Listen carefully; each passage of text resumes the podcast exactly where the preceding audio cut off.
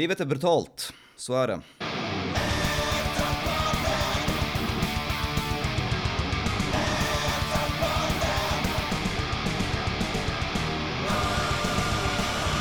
Hej och välkommen till avsnitt 152 av Metalpodden. Jag heter Erik, du heter Thomas, det är fredag. Vintern kämpar på in i det sista här. Och jag har gäspat så jävla mycket den här morgonen nu. Du har ju väntat in mig. Eh, jag ska försöka inte gäspa nu då. Men eh, jag måste lära mig sova mer. Det är mitt största bekymmer nu. Jag snittar alldeles för få timmar sömn per natt. Jag tog eh, två powernaps under tiden du höll på att lansera din, ditt projekt där. Ja, Så att jag, jag är utvilad i alla fall idag. fan vad skönt. Det Gick det bra till slut då? Jo, det gjorde det. Nej, vi, vi kämpar på med allt här. Eh, och vi gör det idag, i det här avsnittet, med den formen av avsnitt vi nog gillar mest att göra, har vi pratat om. Eh, när vi bara ger de här eh, diverse skivtipsen. Grundbulten i Metalpodden. Skivtipsavsnitten, bäst just nu avsnitten och så vidare. Mm. De gillar jag att göra, de är så avslappnade och, och härliga. Ja. Eh, egentligen skulle vi bara kunna köra sådana. Du vet, det bara, bara, bara mata skivtips hela tiden. Fast det hade ju också blivit uh, tjatigt också förstås. Eh, men det är, kul, det är det som är kul att kunna komma tillbaka till de här formerna av avsnitt. En, två gånger per säsong eller hur, hur ofta vi gör det. Jag skulle vilja göra en What's in my bag snart också. Mm. Men eh, när man tittar ut genom fönstret och ser den analkande snöstormen så vill man ju inte gå ut på, på, på byn och, och leta i skivbackar. Även fast jag liksom, jag har varit på väg några gånger.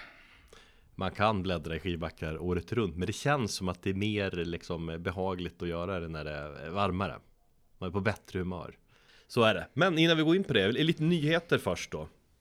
Ibland snackar vi nyheter, ibland inte. Men eh, vi har båda gått igång, eventuellt, lite grann på att Burst återförenas eh, igen. Får man väl säga. Ja, har vi fastställt om de har återförenats som band med en ny platta eller inte? Det de har kommit ut med är ju att de, eh, de ska släppa någon sån här eh, exklusiv box med alla plattor. Mm. Ehm, och så har de eh, bokat antal livespelningar, bland annat då i, eller på Debaser. Och det här var i november va, om jag inte är ute och cyklar. Ja, jag har redan eh, tryckt på attending där. Mm. 18 november i, eller på Debaser strand. Ehm, och då ska ju Norna vara förband också. Fan vilken jävla lineup. Per Wiberg. Eh, ja, dit måste man ju, det måste man ju gå, gå på. Nej men eh, de gör väl lite, de, de spel, hade ju någon gig för ett par år sedan. Um, 2018 hade de en återföreningsspelning på, på någon sån här proggfestival i Spanien. mm, och det var väl det typ första på nio år sedan deras eh, upplösning var det, 2009 va? Mm. För mig. Inte vad. Eh, ja, nej, så jag vet inte. Hela det här boxsetet och en gig kanske ger dem eh, sug att eh, skriva nytt material, vilket man hoppas på också. Att sådana här återföreningar på något sätt sporrar dem att eh, fan det var kul att spela ihop igen. Och så, så blir det ja, mer material från bandet. Ja men de här 2018 giggen, eller, eller gigget, var det bara ett gig? Eller var det fler? Jag har för mig det. Ja, det måste väl ha gett lite mer smak då i och med att de nu kommer igen. Så visst, de kanske testar liksom eh, suget här igen, uh, släpper den här boxen, ser om de, vill ha den och så kanske de skriver någonting mer, vad vet jag. Vi har ju i alla fall tidigare i den här podden pratat en del om vår, vår kärlek till bandet Burst. Jag, Mm. Det är nog mycket nostalgi i det där också, för det, det var faktiskt jävligt länge sedan jag lyssnade på bandet överhuvudtaget. Har du lyssnat på dem senaste tiden? Ja, det har jag. Jag har faktiskt eh, spisat dem eh, en hel del. Inte nu på sistone, men en del i höstas gjorde jag det. Ja, håller de fortfarande? Ja, det tycker jag väl. Framförallt så tycker jag väl att sista skivan, Lazarus Bird, fortfarande håller. Ehm, jag vill minnas att jag var mer förtjust i de tidigare plattorna då när det begav sig. Men, men Lazarus Bird tycker jag är fortfarande ett jävligt styggt stycke, liksom progressiv eh, hardcore metal. Mm. Jo, det är ju, om man går eh, tillbaka där är det en av, en av sina favoritplattor från Från eh, 00-talet ju Jo. Apropå liksom boxet och min avsky för, för boxet så får jag ju ta och eh, ändra åsikt här. Jag funderar fan om det här skulle vara det första boxsetet man skulle köpa. Om man nu ändå ska göra, köpa ett boxset någon gång så varför inte Burst, börja där. Har du kollat annars vad de kostar på Discogs om du ska gå den vägen? Den true det är plattorna där? Mm. Nej det har jag inte, men jag kan tänka mig att de går för en viss slant, eller hur? Ja, det kan jag tänka mig.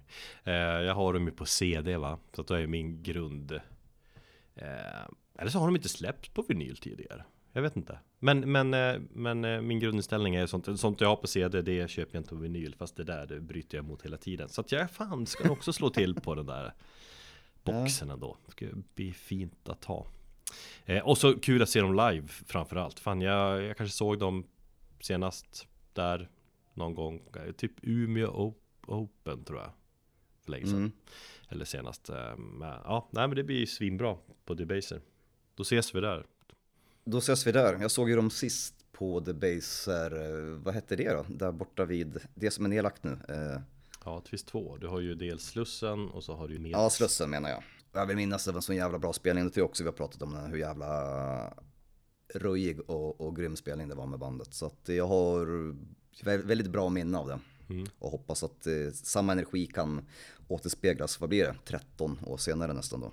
Ja, risken är att inte riktigt kommer vara det. Men samtidigt, den nostalgiska faktorn kan man inte underskatta. Så att det eh, blir svinbra.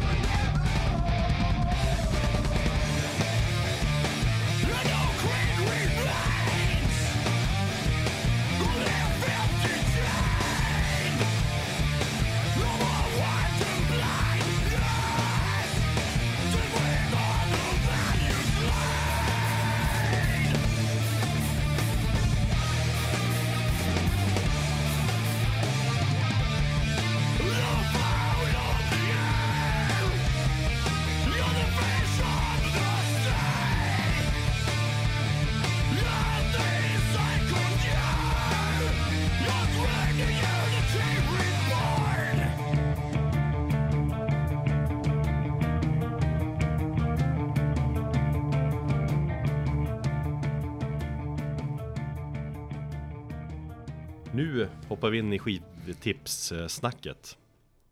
Mm. Jag, har, jag har ju senaste veckan här jobbat som en dåre och lyssnat på en jäkla massa plattor. Ibland tar jag mig liksom tid att lyssna i kapp. Du vet, man har lagt undan skivor eh, som man ska lyssna på. Man kanske inte har hittat rätt läge att lyssna på den. Och så har man perioder då man betar av grejerna. Och det har jag verkligen haft senaste veckan framförallt.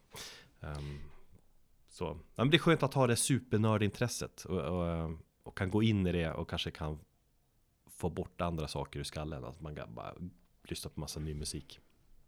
I sedvanlig ordning så kommer det bli väldigt intressant hur du motiverar dina val och sådär. För att eh, vi har ju inte snackat någonting alls eh, under den senaste veckan. Och eh, mina val är väl kanske lite mer självklara. De har du liksom hört talas om i, i andra diskussioner vi haft med vänner. Mm. De hade jag kunnat förutsäga Tre. Ja. Lätt.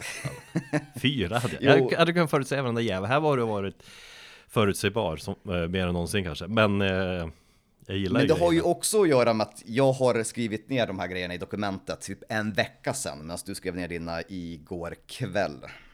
Nej, i, i, i, samma dygn, i natt. ja, så. i natt. Eh, jo, nej, men jag har haft många skivor på lur. Så att om jag ska skriva ner hela gänget så kommer du bli galen av det också.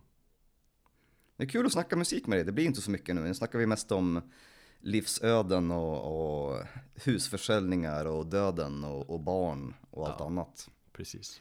Så att vi, eh, vi går in i det här, det vi tycker är heligast. Eller vad man ska säga. Och du får börja. Ja, du har tre tips, jag har fyra tips. Ehm, Men det första tipset är väl eh, någonting som vi båda kan enas om och det är att make grindcore fun again. Och det är precis vad Wormroot gör med sin musik, eller hur? Hade nog kunnat, eller hade nog valt det här om inte du hade valt bandet. Jag misstänkte det, så därför var jag liksom snabb på bollen där. Men eh, vad fan, vi, ja, vi båda diggar ju Wormroot. Ja, jag hade glömt bort dem lite grann, för det var länge sedan de släppte någonting nytt. Jag tror att det, när kan det vara, 2015, 2016 eller något sånt där. Voices kom 2016 ja. Ja. Så det är ju fan, ja, sex år sedan. Ja, exakt. Det var liksom innan podden egentligen och då är det ju en evighet sen. Och därför kanske vi inte har snackat om dem heller. Men jag, just att jag blir påminn om, just helvete vad jag gillar det här bandet. Och varför gör man det? Ja, ja, man gör väl det för att de är från Singapore kanske. Och det är väl ovanligt. Ja, Eller? ja men exakt. Jo, det blir lite det här ja, kulturella skillnaden eller annat. Lite mer exotiskt. Ja, Precis, i och med att många av de banden som vi lyssnar på kanske inte riktigt härstammar från, från de delarna av eh, Indonesien eller Asien, eller hur man nu skulle säga. säga. Sen att de, jag tycker att de gör eh, grindcore roligare än andra band. De har ett element av lekfullhet som jag tycker saknas i andra band som gör att de sticker ut lite grann. Och eh, det är väl det jag har insett att, jag, att det är deras styrka. Alltså ingenting ont om, om säg Napalm Death, Terrorizer eller eh, Gadget för den delen. Men, men det är liksom, det är ju seriös grindcore. Och så tycker jag att det är en sån jävla skillnad på, på, på grindcore och grindcore. Det är liksom nivåer från att, alltså antingen är man ganska, spelar man ganska kass grindcore och sen så nästa nivå superbra och kanske superseriös. Jag tycker att Gadget spelar ju jävligt bra grindcore tycker jag. Att den, är, den känns lite mer kanske svår eller komplicerad än vad den är. Jag vet inte. ja, ja, Om det, om det hänger med lite grann jag försöker mena, jag tycker Wormroot, det, är bara- det är bara lite lättsamt även fast det är liksom, det är ändå seriöst. Jag vet inte om det är just det eller så jag känner, men det, det kanske ligger någonting i det, att lekfullhet. Men det, jag tycker bara att det är bara så brutalt bra, liksom, grind. Alltså, det, det är ju som du säger, att grindcore kan vara lite dåligt, men liksom lite slätstruket. Det är sällan man Ja. går igång på liksom grindcore, liksom när det är riktigt. Det har vi ju pratat om Full of Hell mycket, liksom att de gör någonting, någon next level grej. Men Wormrot är bara, de gör sin grindcore bara så jävla bra. Och det kanske är lite av den här lekfullheten. Men jag tycker ändå att det är på allvar. Jag, jag, de är fan Jo, det, bra. det, det, är, det är på allvar, men det finns, det finns någon distans tycker jag i mycket i deras låttitlar. De har ett groove och vissa eh, riff och melodier i, i vissa låtar. Jag tänker väldigt mycket på skivan Voices, den senaste plattan då, som är också, alltså produktionsmässigt så låter den ju jätteudda. Mm. Eh, den låter ju ganska så här komprimerad, lite halvplastig. Vilket jag skulle liksom avsky om det vore vilket annat band som helst. Men just att Wormrot lyckas få till en sån udda produktion på en grindcore-platta som ska låta rå och hård. Tycker jag bara på något sätt gjorde den plattan ännu bättre. Ja, visst är det bara en singel som är släppt? Eh, ja, officiellt än. Det finns två om du tittar på deras live performance på YouTube. Aha. Då kör de ju två låtar eh, i studion. Det är lite överkurs. Men det, de släppte en video i alla fall. två videos om du Ja. räknar med live då, okej då. då kör de, då tycker jag till och med den andra låten som officiellt inte har släppts som en, som en standalone singel är till och med bättre än den första. Jaha. Så att det är tre minuter eh, fin fin grindcore som du kan eh, lyssna på.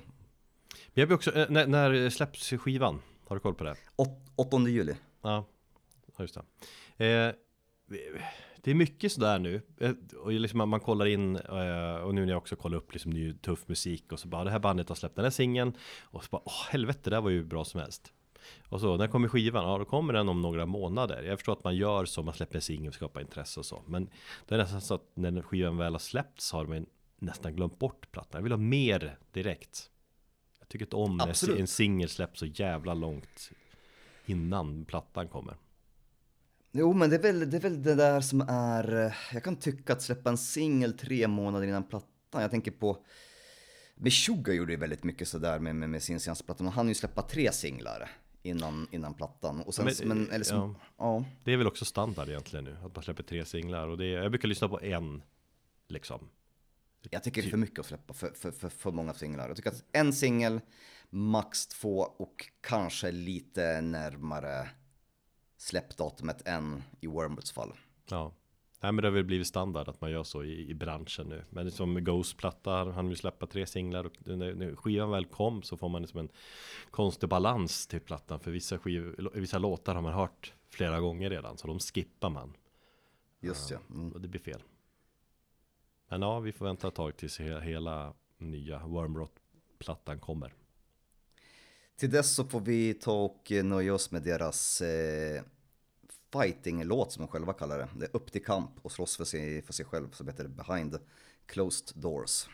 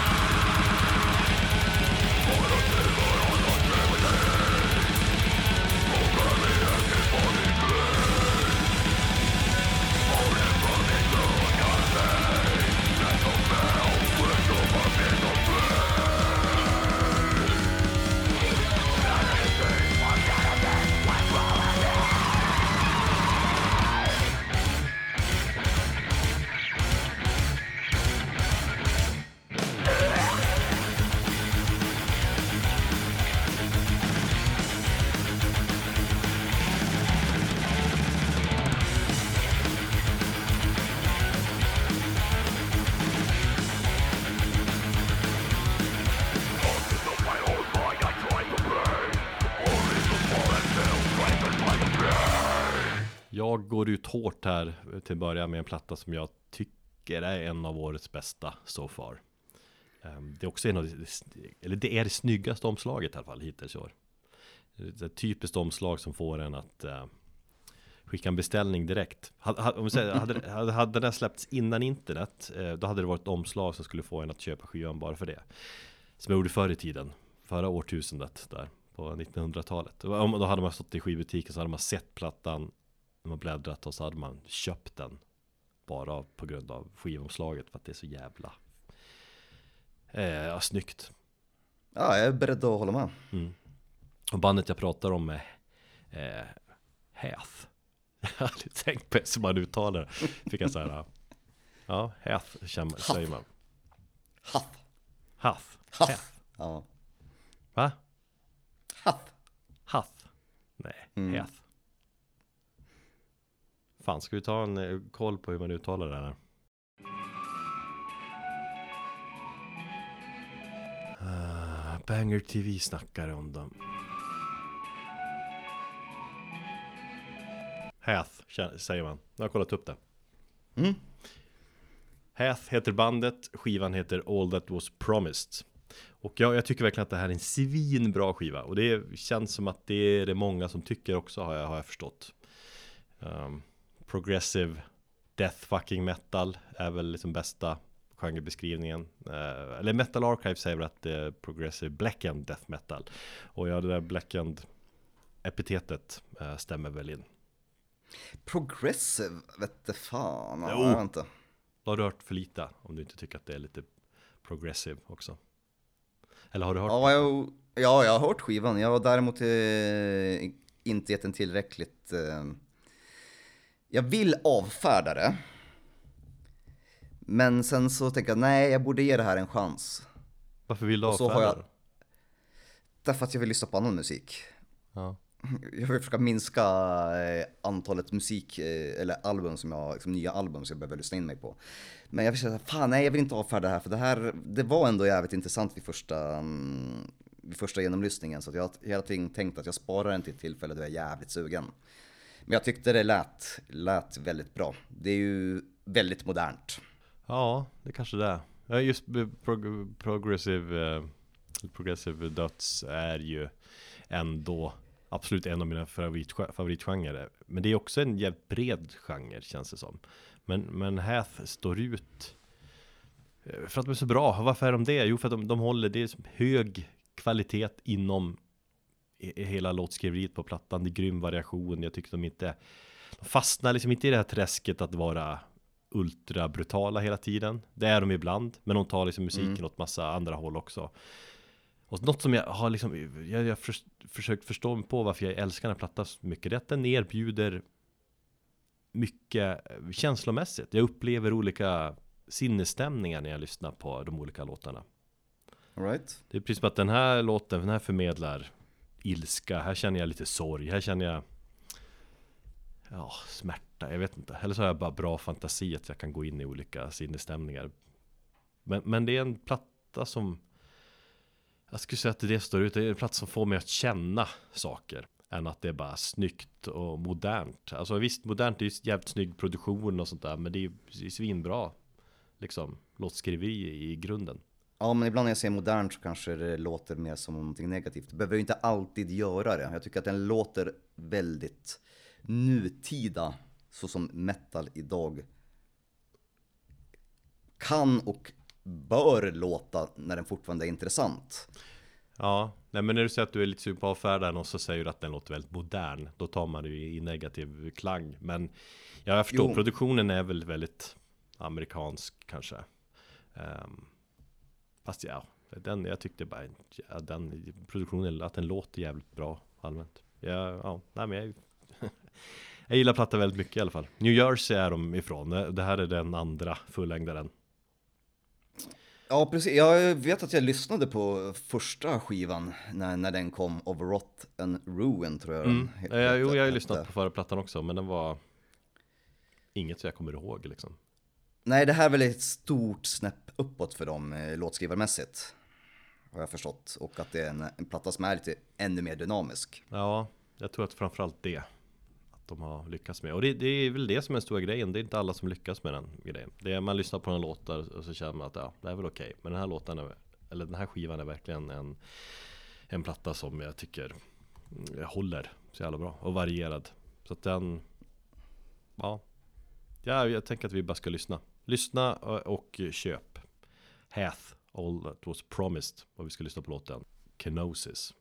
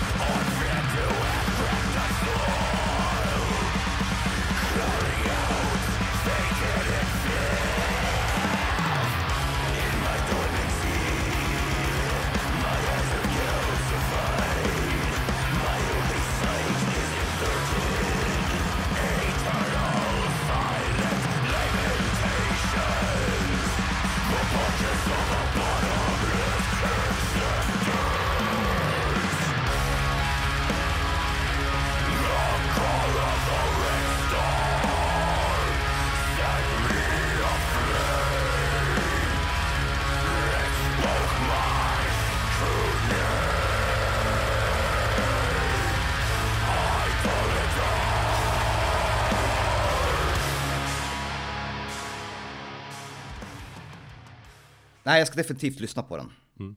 Mer innan jag avfärdar den, eller inte avfärdar den. Du ska inte vara rädd, för du ska inte vilja avfärda. Du ska liksom vara beredd att ta dig till musik. Jag har ju liksom en plats som jag verkligen känt det här, den kommer ge mig ännu mer. Då lyssnar jag gärna mer på den än att ska lyssna på tio andra plattor som i längden inte kommer att ge mig någonting. Men det ligger kanske lite i det där ändå. Alltså, eh, möjligtvis när jag spinner vidare att vi har, om man kollar på senaste åren så här bästa, eh, årsbästa listor så är vi lite att vi gillar, bara, det här är mina tio plattor och så kommer du med dina tio plattor. Det är få plattor som vi båda gillar väldigt mycket för att vi lyssnar mycket på på tu man hand. Tidigare var, pratade vi ju mer och hade många fler gemensamma favoritplattor. Jo, det ligger väl någonting i det. Det gör det. I och med att vi inte är lika samkörda i vårt musiklyssnande som vi var i poddens början. Nej. Det har rätt i. Vi kan inte bara hålla med varandra. Folk gillar när vi är oense så att det är kanske det som har triggat det också. Någonting som är totala motsatsen till eh, Hath. Det är ju produktionen på Death Hammers senaste platta. Eller på alla deras plattor egentligen. Ja. Eh, Där snackar vi så jävla omodernt som det inte går. Nästan för omodernt kan man tycka. Fast är inte det också lite modernt tänker jag? Att man ska låta old school. Du är fan det är så jävla 80-tal i soundet. Vad härligt. Är inte det lite?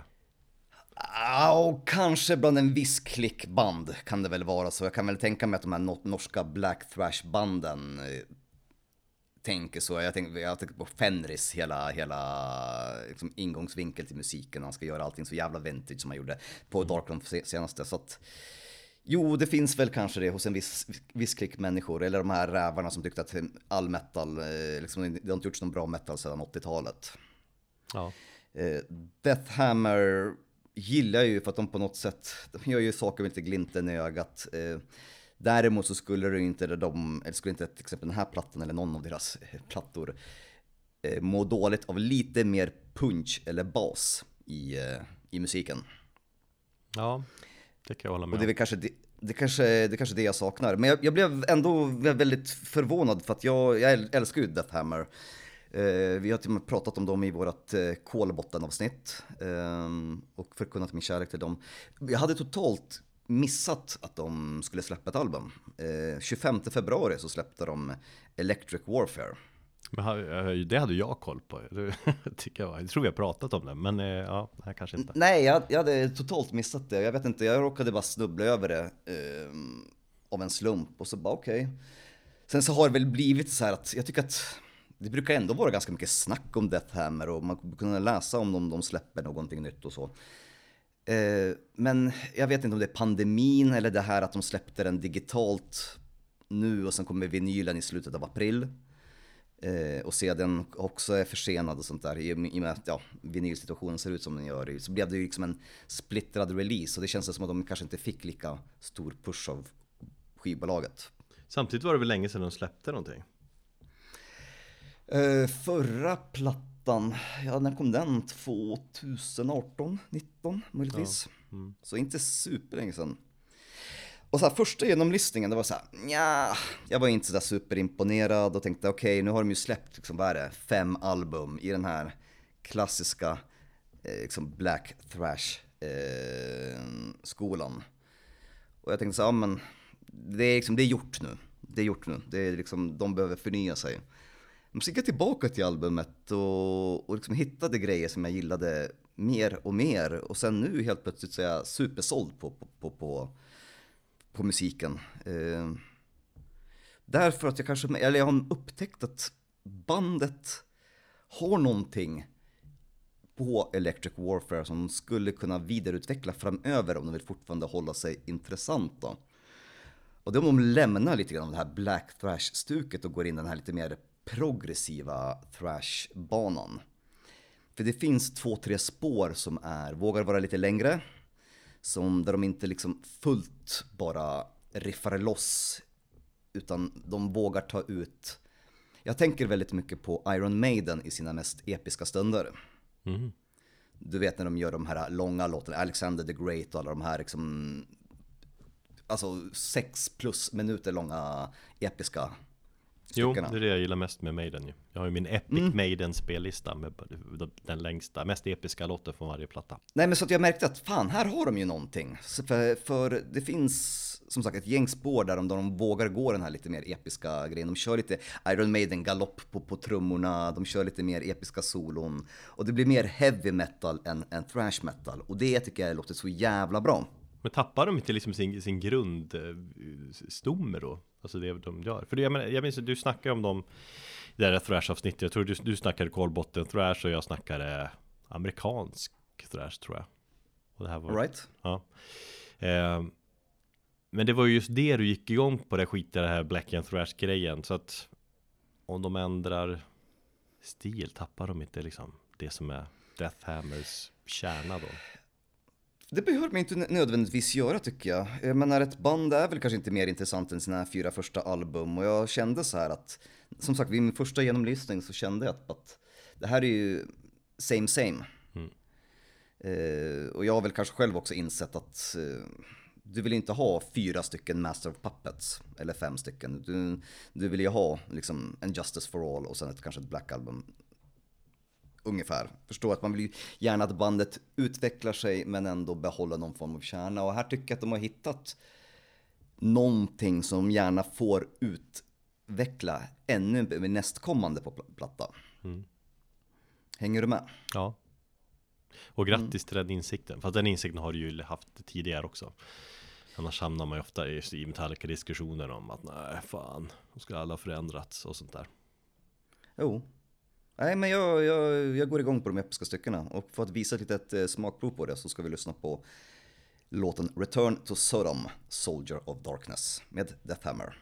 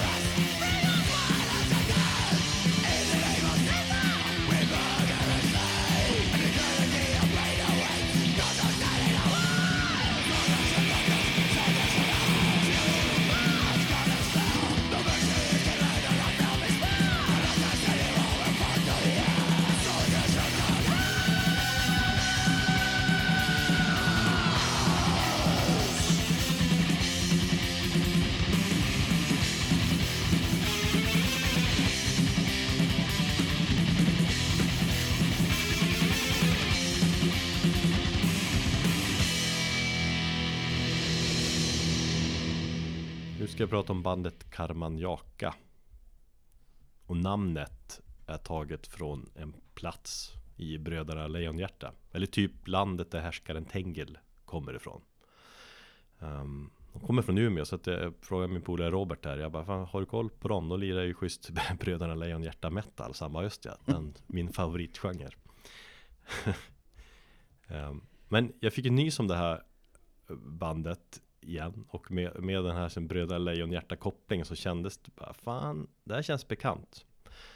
Och sen insåg jag ju att det här var ett av banden som vi skickar i eller som, som skickar in ett bidrag när vi höll på med eh, med att lista Sveriges bästa osignade metalband. Är det därifrån jag känner igen dem? Ja. Det tog ett tag för mig att inse, vänta vad är det här? Och så ins, uh, kände jag igen deras förra EP och, så, då, och då kopplade jag. Um, så att jag, jag letar upp det dokumentet. Alltså vi, vi hade ändå var det nästan 80 bidrag. Så att om inte du kommer ihåg varenda jävla bidrag så är det Du behöver inte skämmas Thomas. Nej, men jag tänkte att det var ju en hel del band som konstant följde med i nästa ur, urgallring och vi hade ju många band som var med i sista urgallringen som vi bara satt där och våndades över. Ja, tänkte... det här bandet var lite grann att jag gillade dem. Ja. Jag skrev en text om dem, du hade bara gjort, du hade bara färglagt din kommentar med rött. okay, ja, vi, vi, vi, började liksom, det var så här rött, gult och grönt liksom. Ja, rött var nej, gult var kanske och grönt var ja. Ja. Ja, just det. Eh, så det var väl därför det inte kom vidare till nästa steg kanske. Nej men jag, jag letar upp det dokumentet och kollar vad jag hade skrivit då. Och det här var då i december 2020 så att det inte Det är inte så länge sedan, alltså för snart ett och ett halvt år sedan. Mm. Eh, då hade jag lyssnat på EPn Hugin som de hade släppt då och, och då skrev jag så här eh, Någon typ av black metal men bredare och mer lättillgängligare än så Heavy metal, melodiskt, klart spännande ändå är den första känslan Och du bara, hade bara rött, hade du bara färglagt Eh, undrar vi pratade om dem mer då? Jag kommer inte ihåg. Det var många bidrag som sagt. Nej, men jag blev nyfiken på vad de har hittat på sen dess då, liksom sen jag lyssnade på den EP och de har släppt sin senaste platta Gates of Muspel nu i februari. Um, en skiva som jag kört igenom några gånger. Jag har jobbat till den och så bara kom jag in i den och så insåg jag fan det här är ju riktigt bra. Det här gillar jag. För att de har någonting eget och det är väl det, är något det jag alltid har är ute efter när jag lyssnar liksom att jag vill ha någonting som känns som att där har man inte riktigt hört förut. När du, hade jag inte hört musiken innan eh, så hade jag nog innan jag fattade att jag hade gjort den här kopplingen. Men först när du sa, vad var det, Bröderna Lejonhjärta Metal, då trodde jag först det var eh, power metal. Ja. Helvete, är det det här Erik ska prata om? Mm. Uh, det är musik som fascinerar. Jag, jag, tycker att det är en, det känns som en blandning av, av black metal och power metal. Uh, och det är det som gör det liksom att det, det känns, uh, känns eget. Det känns ju spontant också inte som att det är jättevanligt med den mixen. Eller power metal eller heavy metal. Folkinslag finns ju där också. Uh, mm. Men black metal, power metal, bara säga att den bland, då, det blir det mest skärmiga tycker jag, om man beskriver det enklast så. Jag eh, märkte ju väldigt snabbt att det är väldigt melodiskt. Ja, det är det ju. Mm. De är ett, det är ett Umeåband nämnde jag, de, de kallar sig liksom för typ karaktärer inom den Astrid Lindgrens Bröderna Lejonhjärta-värld ehm, Jag blev jävligt sugen på att se den filmen faktiskt, det var ju sjukt länge sedan Jonathan! Och Katla och du vet Jag har faktiskt inte sett den Hur skärpare det är för jag att vet. du Har du inte sett alla Astrid Lindgren-sagor? Jag tror inte jag har sett den enda, jag har läst några men jag har inte sett den enda för jag har inte sett Bröderna Lejonhjärta, jag har inte sett uh... Skämtar du? Vad fan, eh, Mång, många Rövarna Ronja och... Har jag inte heller sett Ingen av dem, det är, ja, det är en liten lucka i min svenska så här, historia litterära ja, det är en, en, en lucka i min, i min barndom. Jag vet inte vad, vad jag Kan man skylla på dina föräldrar där? Absolut inte. Eh, vad skylla på mig själv, jag var inte intresserad av det. Men jag tror att både skolan och mina föräldrar försökte få det. Morsan försökte väl blanda lite grann svenska och sen polsk historia. Men inte intresserad, alltså det gick ju överallt väl? Alltså det var ju svårt, jag menar Pippi Långstrump, barnen i Bullerbyn jag, jag kollar, på, jag, jag kollar på, på min äldsta grabb, han är inte intresserad av någonting annat än Star Wars just nu. Jag försöker introducera lite andra grejer för honom. Bara, nej, jag vill inte titta på det. Enda man vill se hur, hur Anakin blir Darth Vader hela tiden och ser om samma scen i, i, i Revenge of the Sith. Jo, så. men där kan man koppla till utbudet som är, jag menar, han, han har ju Netflix och det är hundra serier, tusen serier att hoppa mellan. Men när vi växte upp fanns ju inte riktigt det i utbudet. Men jag, jag, bara, jag var nyfiken, för nu, nu ska jag tog upp alla. Karlsson på taket. Nej. Madicken? Nej. Emil i Lönneberga då? Vad fan? Läst böckerna, alltså delar av böckerna, men inte hela böcker. Saltkråkan? Nej, aldrig. Har aldrig ens sett serien. Bröderna Lejonhjärta har du inte sett och, och Nej. Inte Ronja Pippi. Långstrump, eh, Pippi Långstrump kan jag ha sett en, en del av. Ja, det är fan, det- ja. Det är, ja, men det är lite sjukt ändå. Alltså jag tänker på, jag har sett dem, jag kan ju liksom storiesarna. Bröderna Lejonhjärta, alltså, den är ju den är ju mörkast, helt klart.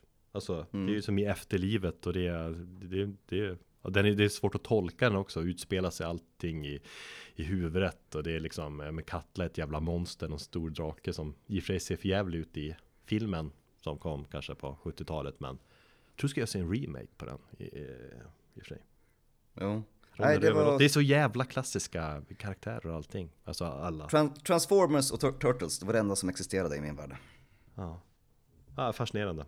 Men eh, du har chans. Jag tycker vi, vi kan väl se båda du ser, vi ser Bröderna Lejonhjärta och så diskuterar vi det. Och så försöker vi eh, ignorera liksom det här det svenska typiska eh, snacket. Man, har, man, har så jävla, man pratar så jävla konstig svenska i, i svenska filmer ibland. Jo, jag vet. Speciellt sådana här gamla. Eh, vart var vi? Vi pratade Karmanjaka och deras Bröderna Lejonhjärta metal och att de är melodiska. Och, och det är ju väldigt melodiskt. Det är spännande gitarrer, lager av musik tycker jag.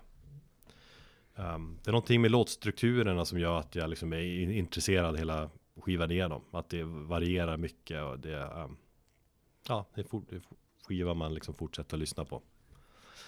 För jag brukar säga att dynamik är så jävla bra. Men det här är en fullängdsdebut då eller? Nej, det här är deras tredje platta faktiskt. All right. har inte lyssnat så mycket- själva? De släpper den själva, precis. Ja. Mm.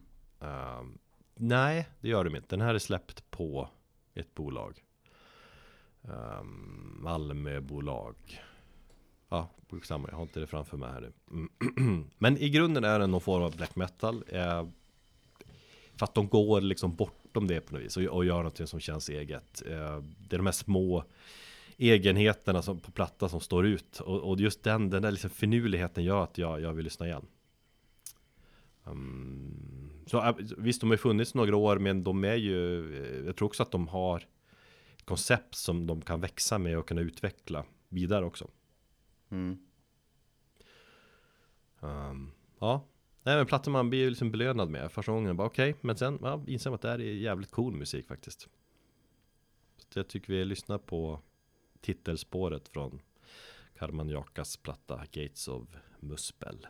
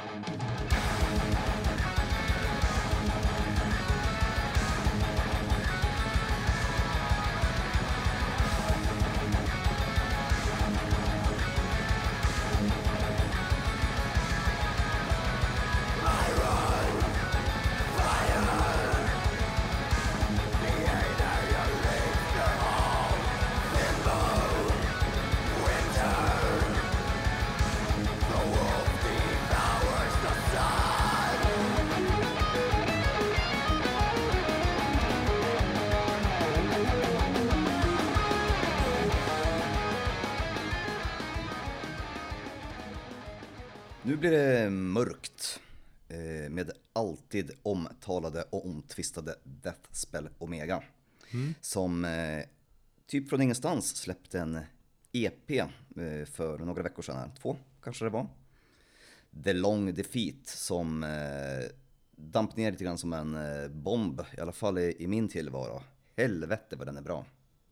Ja, jag, har du medveten om att du tycker det? Jag har sett den i chatten med Tim Bertilsson där så har ni snackat mycket Deathbell Omega. Mm. Vad tycker du själv? Eh, bara lyssna på den här låten. Jag har som inte hunnit lyssna på plattan. Jag har lite frågor här. Vi, jag tror senast vi pratade om bandet.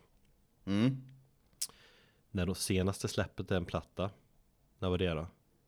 Det måste vara i samband med det. Ja, 2000, eh, fan var det? Det var inte så länge som det var 2019, 2020 så släppte de The Furnaces of Palingionäs eller något sånt där. Men det var väl bara något. Nej, det var en fullängdsplatta, men som jag, eh, nej jag fastnade aldrig för den. Jag, jag har ju inte, jag hade ju egentligen räknat bort bandet. Nej men jag, jag måste ju erkänna att jag har inte gått igång på bandet sen Ja men sen 00-talet Alltså storheter Deathbell Omega och de platser som släppte då Det är ju liksom När man kände Wow det här gränslösa och liksom de här står i en helt egen liga Det var ju För mig så länge sedan Mm. Jo, Men men, jag deras, t- tre först, deras tre första plattor. Ja precis Typ. Men sen tror jag senast vi pratade med Jag tror att vi i, i, um, i ämnet liksom tveksamma bandmedlemmar Är, är det fortfarande samma finnar där? Mikko Mika Aspa, ja. Mika Aspa mm. Mika, Mika Aspa, ja. Precis. Som har sagt en Eh, del jo, så- tveksamheter och sådär Ja, tveksam, tveksamheter, det är väl bara rakt ut eh, gå ut och säga att han är en rå nazist. Eh, Men musiken är ju, inte, är ju inte nazistisk i sig och inte texterna. Och det har väl aldrig varit Death, Deathspells, eh, Deathspell Omegas grej, utan det har ju alltid varit väldigt teologiska texter och, och anknytning till religion. Sen så har de ju väldigt, fått, fått väldigt mycket skit för att de går på den här jävla eh, fina gränsen för vad som är tillåtet.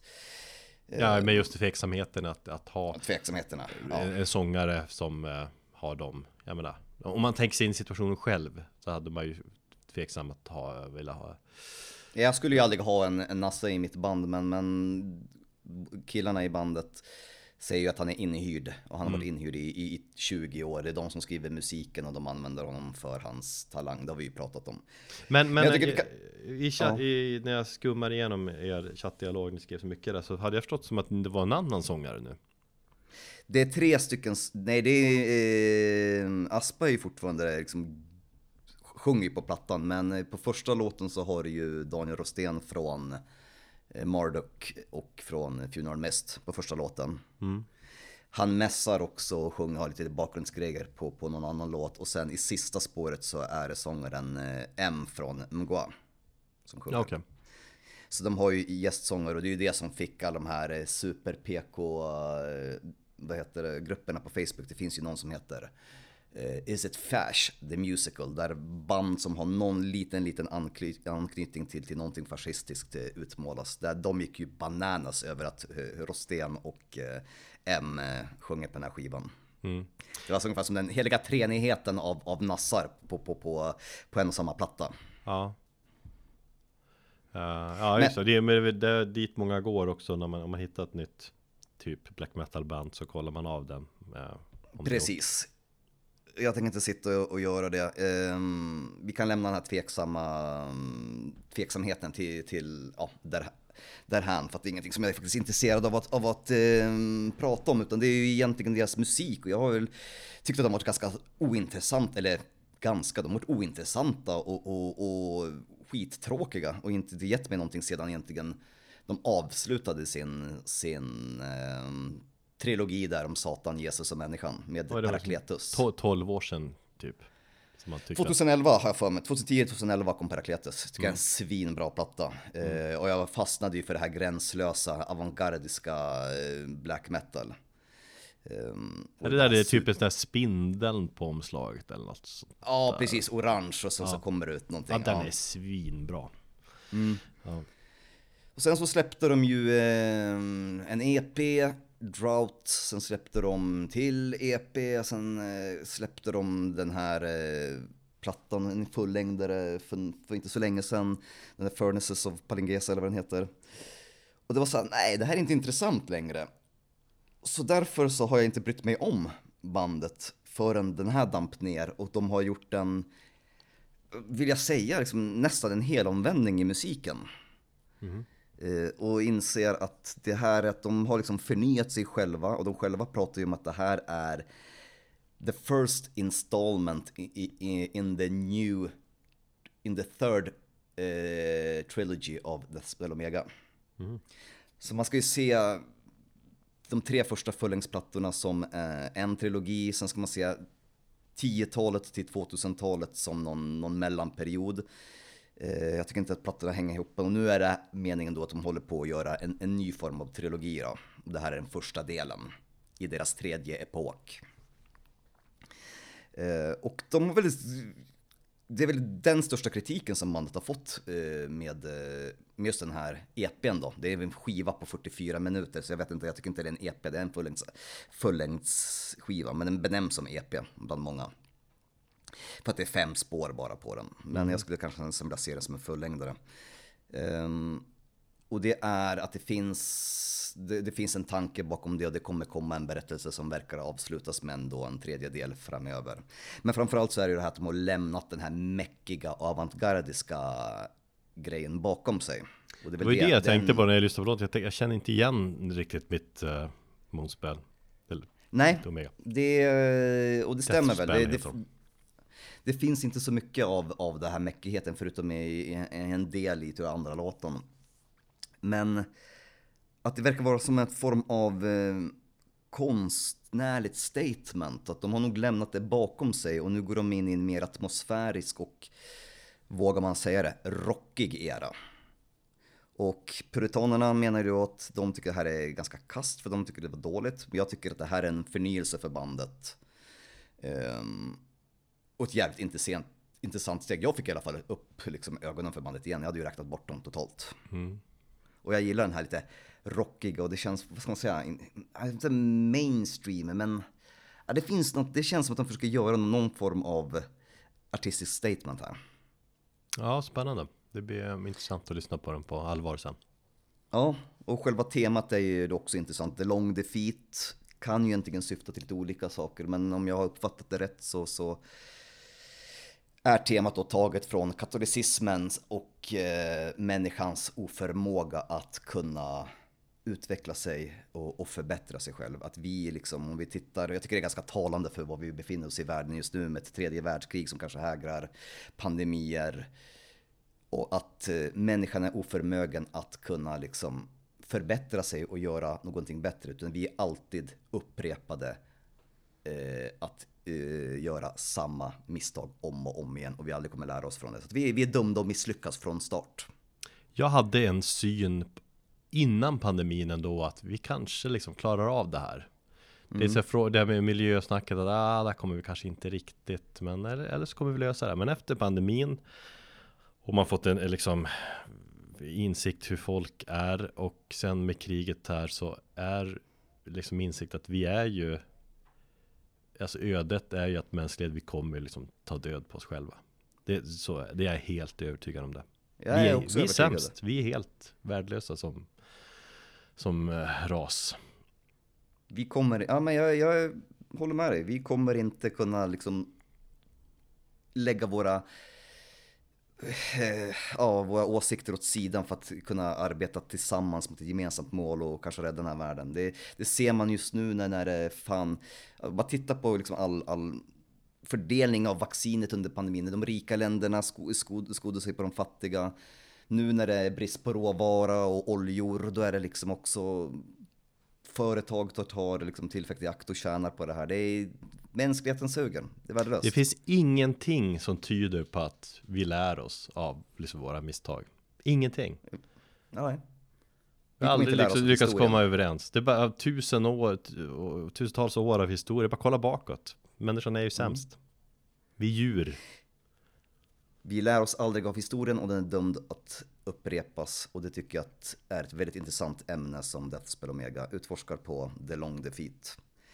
Eh, vi lyssnar på låten Edem Sed Aliter som är, tror jag, latin och eh, syftar just då till eh, ett musikaliskt, alltså det är ju någon benämning inom musiken där man upprepar ett, ett och samma musikaliska stycke fast eh, med liten variation varje gång man upprepar det. Mm. Eh, the same but different skulle man kunna Eh, översatta översätta eh, låttiteln till. Det låter jävligt eh, intressant. Alltså, eller gå igång bara på den tanken och, och ja, kör.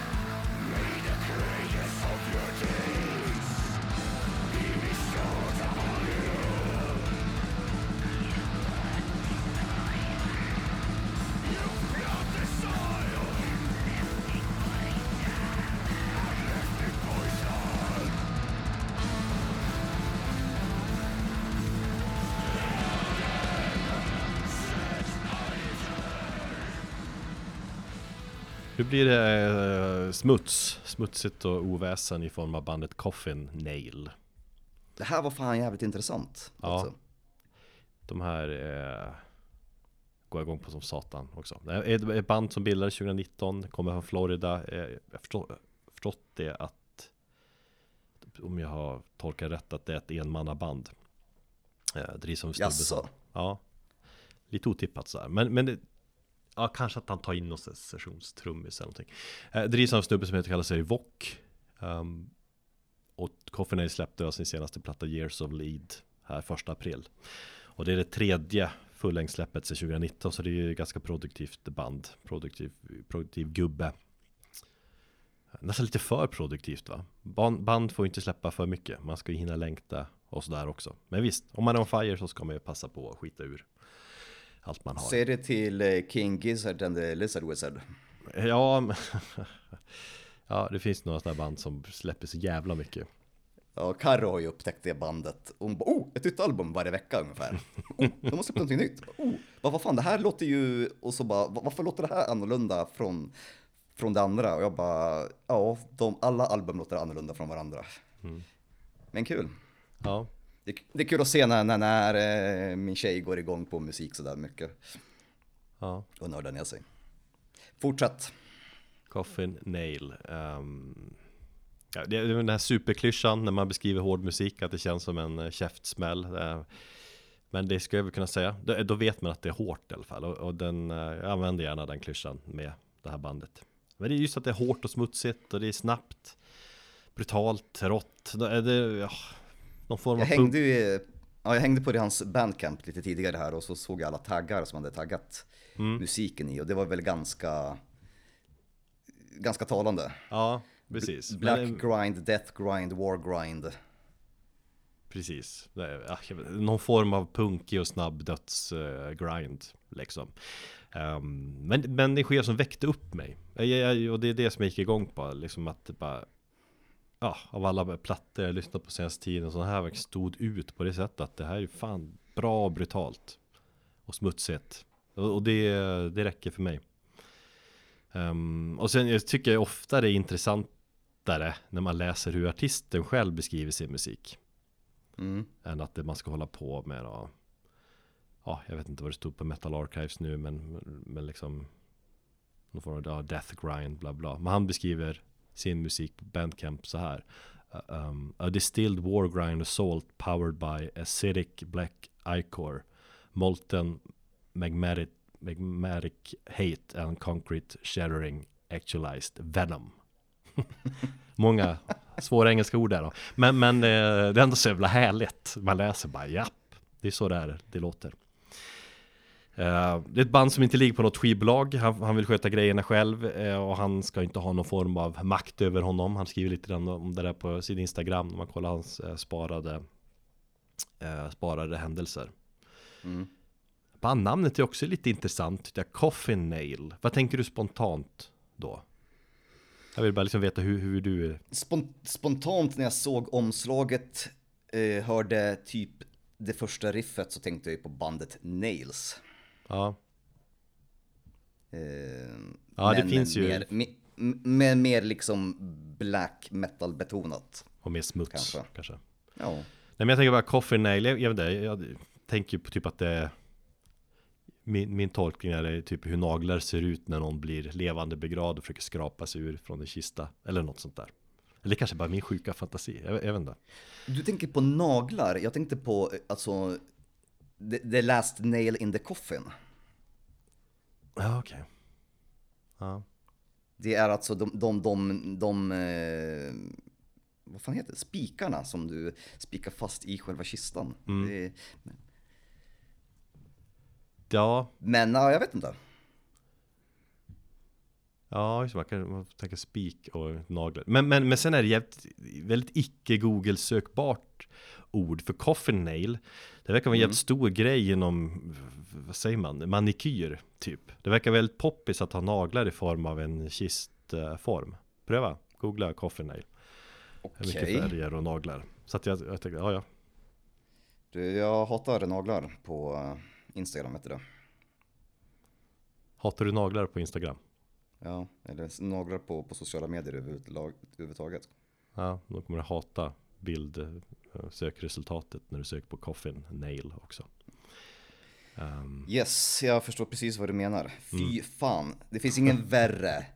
Det finns absolut ingen jävla värre turn-off än såna här naglar. Alltså jag skulle hellre ta någon utan armar och, och, och, och ben än såna här jävla naglar.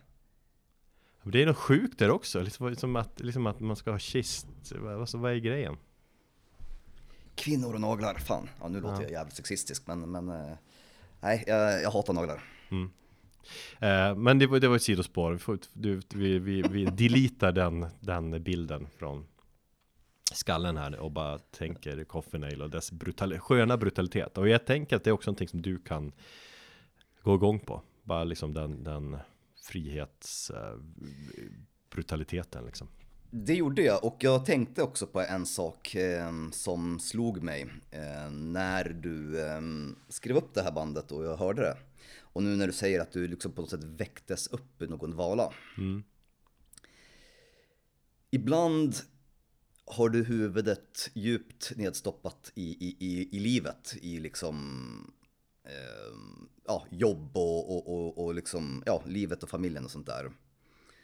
Och sen så kommer du upp liksom till ytan och liksom kipar efter andan och då brukar du oftast eh, rekommendera något band eller prata om något band som du gick igång på som fan. Du gjorde det senast med Mylingar. Mm. Eh, och jag blev chockad över att du egentligen gick igång på den typen av musik för jag trodde det var inte riktigt din grej. Eh, och sen när jag såg det här och tänkte att jag fick exakt samma vibbar från dig. Och som jag nu fick bekräftat när du sitter här och pratar om det. Som då när du pratar om Mylingar. Du har liksom du har varit liksom nerkörd i jobb och huset och allting liksom och så vaknar du upp och, av det här. Ja, Så jag, för, jag, förstår, jag förstår precis vad den här musiken gör, eh, gör med dig. mm. ja shit, det var ju ganska klockrent. Eh, Men, men Den här käftsmällen som du pratar om, man, man, man, man liksom kommer ut lite grann ur sin, ur sin bubbla och så bara oj shit liksom, oj, jag kanske skulle ta och titta mig runt. Men det är ändå det här, alltså vi har ju, vi lever ju liv, eller ett liv, i alla fall jag är det, som är, det är ju fullt upp liksom. Har man heltidsjobb och, ma- och gånger två, alltså barn är ju mer än heltid liksom. Mm. Eller ja. Och så har man sina nördintressen liksom som man aldrig riktigt hinner med allt. Och jag är inte sån här som kan liksom ha något halvintresse utan jag går ju all in på det, det jag gillar. Jo, precis. Uh, och sånt som jag känner att det där ska jag kunna bli intresserad av men jag gör inte det för att då, jag har inte den tiden. Mm. Uh, men det är det här som är jag. Men sen tror jag också många har den här fortfarande synen, menar, om man ska dela upp dig och mig så är du, du är den här uh, metal, eller liksom extrem metal killen och jag är rock Mm. killen. Ja, ja, ja, precis. Sen så, så, så, om man ska hårddra det, visst. Mm. Men vi, vi är ju så mycket mer än så också. Ja, vi är ju människor framförallt. Nej då, alltså vi, jag Okej. menar, vi menar ju att vi, eh, eller att jag gillar ju extrema former av musik också. Kanske inte hela tiden, man måste ha bredden Mm. helt enkelt. Men fan, eh, du ska väl lyssna på Coffee Nail och, den här käftsmällen. Tänk eh, en så här, om Will Smith hade eh, slagit med knytnäven istället för handflatan. Så känns det. Så hade det låtit så här. Yes.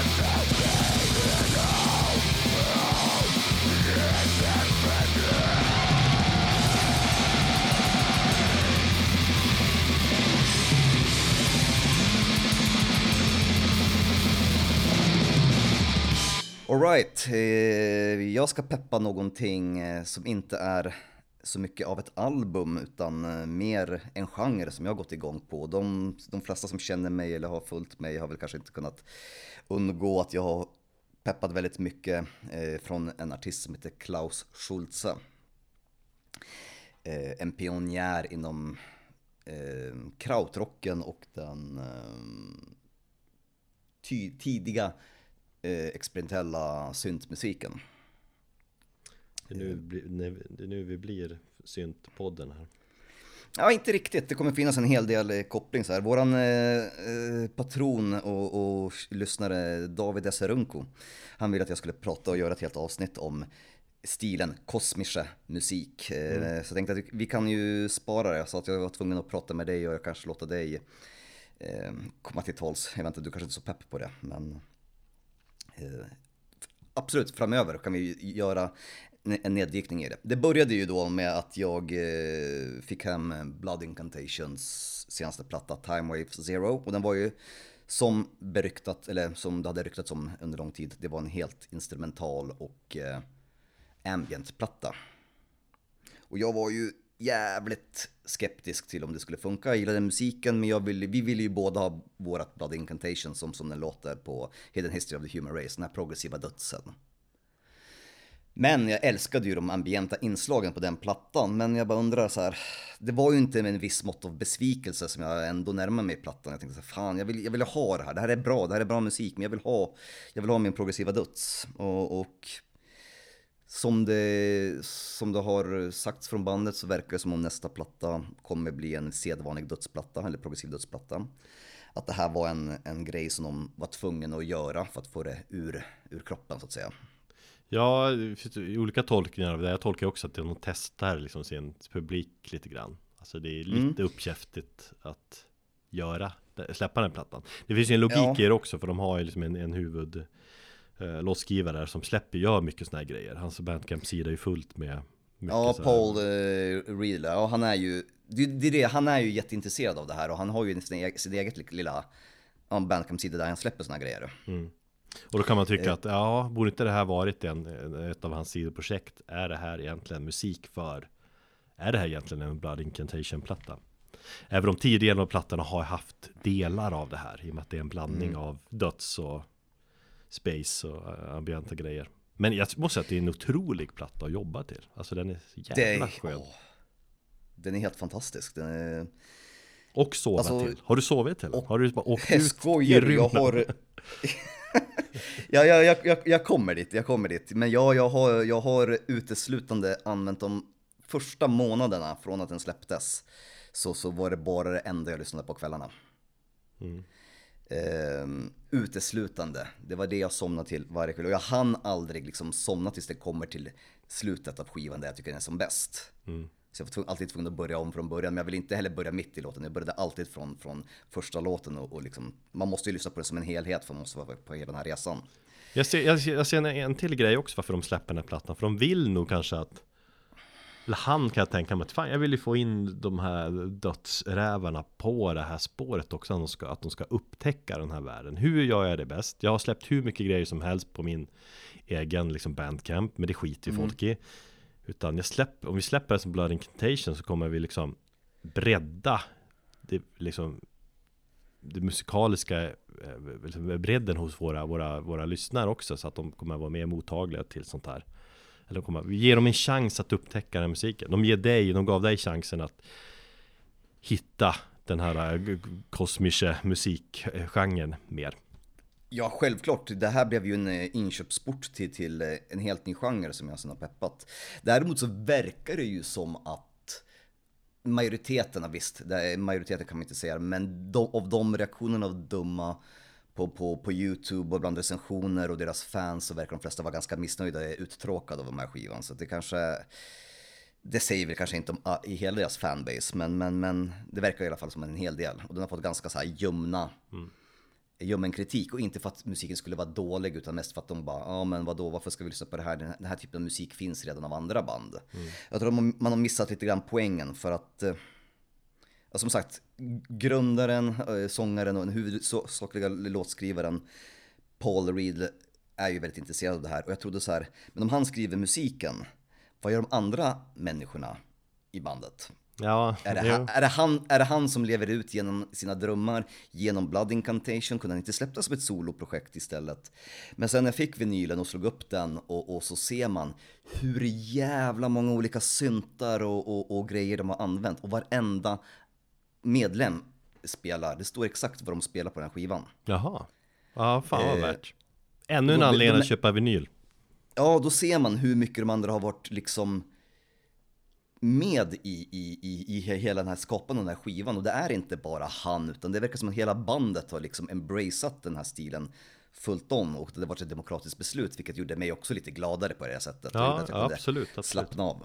Men sen kan jag köpa de där eh, som, alltså snittbetyget på den här plattan verkar vara typ 3 av 5. Där någonstans. Alltså den är okej, men det, fan det här är ju inte riktigt Blood Incantation. Och på sätt och vis kan jag också tycka att den är kass. Alltså med, med, med Blood Incantation mått mätt så är inte det här Blood Incantation. Men eh, utifrån andra perspektiv och, så tycker jag att den är fantastisk. Men det, man kan väl kanske titta på, ska man titta, nej det kanske man inte kan göra, jag tänkte man ska titta på den som en Lulu-platta, men det kanske man inte ska göra.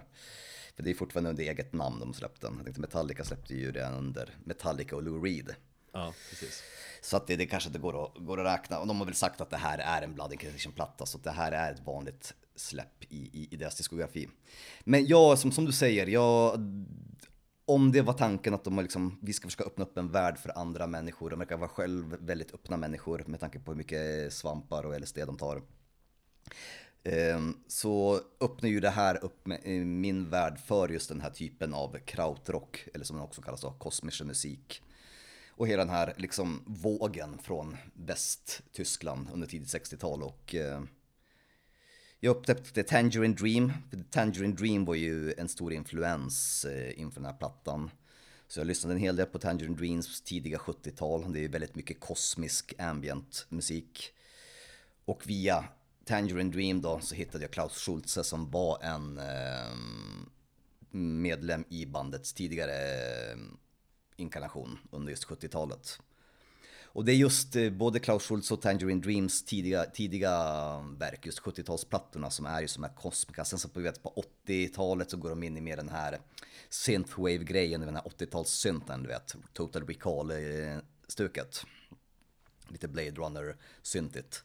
Och sen så 90-talet och 2000-talet har jag inte varit så intresserad av att kolla upp än, utan jag är fortfarande fast i, i, i båda, mm, båda artisternas liksom, 70-tal. För det finns så otroligt mycket att, att hitta där. Men Tangerine Dream har släppt uppåt 100 album. Eh, Klaus Schultz har släppt uppemot 40-50 album. Ett litet universum att utforska där. Eh, Du nämnde liksom Blood Incantation och LSD och sånt. Är eh, den här kosmiska musikgenren, är den liksom lite beroende av eh, syra och sånt också eller?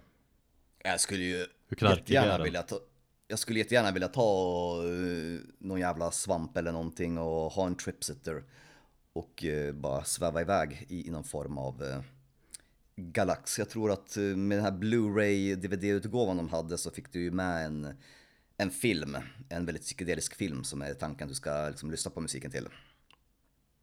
Eh, Blood Incantation? Ja, Får man mer än i, i standard? Om du, om du köper eh, deluxe-upplagan, och deluxe-upplagan innefattar inte vinylen utan det är CD plus DVD Blu-ray. Dåligt. Då får du med en 40 minuter lång film och du får med den 29 minuter långa improviserade spåret Chronophagia. Som du inte får med med vinylen. Så jag var tvungen att ladda ner den låten och lägga in den i, i, i mitt album. Så att jag har... För det är ju ändå, det blir ju 70, 70 minuter musik med eh, Blood Incantation. Mm. Och det, jag blev väldigt upprörd att jag inte får eh, bonusspåret när jag tyckte att eh, själva ursprungsskivan var så jävla bra. Det är lite omvänt. Helicopter släppte CD på 90-talet där inte alla låtar ingick, allt ingick i vinylen. Men nu släpper Blood Incantation vinyl där inte alla låtar ingår. utan Man måste ha Ja, precis. det, Så det, ja. digitala. Nej, men för att, för att tala lite och göra en liten här eh, anknytning till, till det vi pratade om här med Deathspell Omega och, och, och det här med att vi lär oss inte någonting av, av våra misstag. Eh, när jag lyssnar på Time Wave Zero så får jag en känsla av total obetydlighet. Det är som, allt är bara meningslöst eh, på ett bra sätt. Ja, precis. Det var det min, min fråga Det- skulle det är vara. liksom- Om det var dåligt, för att det är ju det jag hela tiden, alltså, det är negativ, negativa i det. Att Mm. hamna i sådär allt är meningslöst tankar. Det kämpar jag ju med dagligen. Och det är därför jag Mm. håller igång med allt. Och därför liksom, ja, lägga mig ner och tänka för mycket. Då inser jag bara att vi är bara en liten myra. Vi är betydelselösa. Exakt, det, det, det finns någon tröst i det. När alla mina tankar om döden kommer nu, när alla mina tankar om världskrig och, och vad Putin tror och hans stora jävla eh, stor, eh, storhetsvansinne så tänker jag så här. Vi är bara en liten, liksom, våran planet, det är bara skit jämfört i det stora hela och man tänker på universum och kosmos. Och när jag lyssnar på Time Wave Zero så gör det mig väldigt eh, lugn. Mm. Det, det, det, är på något, det, det är på något sätt, det, det, det, det, det, det tar bort de värsta panikkänslorna. Jag tycker att skiva, skivans utformning, är att den, alltså själva re, det är ju en resa som den tas på, som man tas på. Och den börjar ju väldigt lugnt och det är ungefär, jag tänker ungefär någonstans att en galax eller en stjärna eller ett nytt form av kosmos föds i början av skivan och sen så går det utvecklas och sen mot slutet av skivan eh, när den här lilla akustiska stålsängade gitarren kommer in och eh, de här fejdade syntarna så, så dör stjärnan, galaxen eller vad det är. Det är liksom ett kretslopp. Och Ja, det- jag har, har ju tänkt på, Mass Effect när jag har lyssnat på Blood Incantation. Jaså? Ja men den spelserien liksom, jag tycker är något av det bästa som har släppts liksom i, i spelvärlden.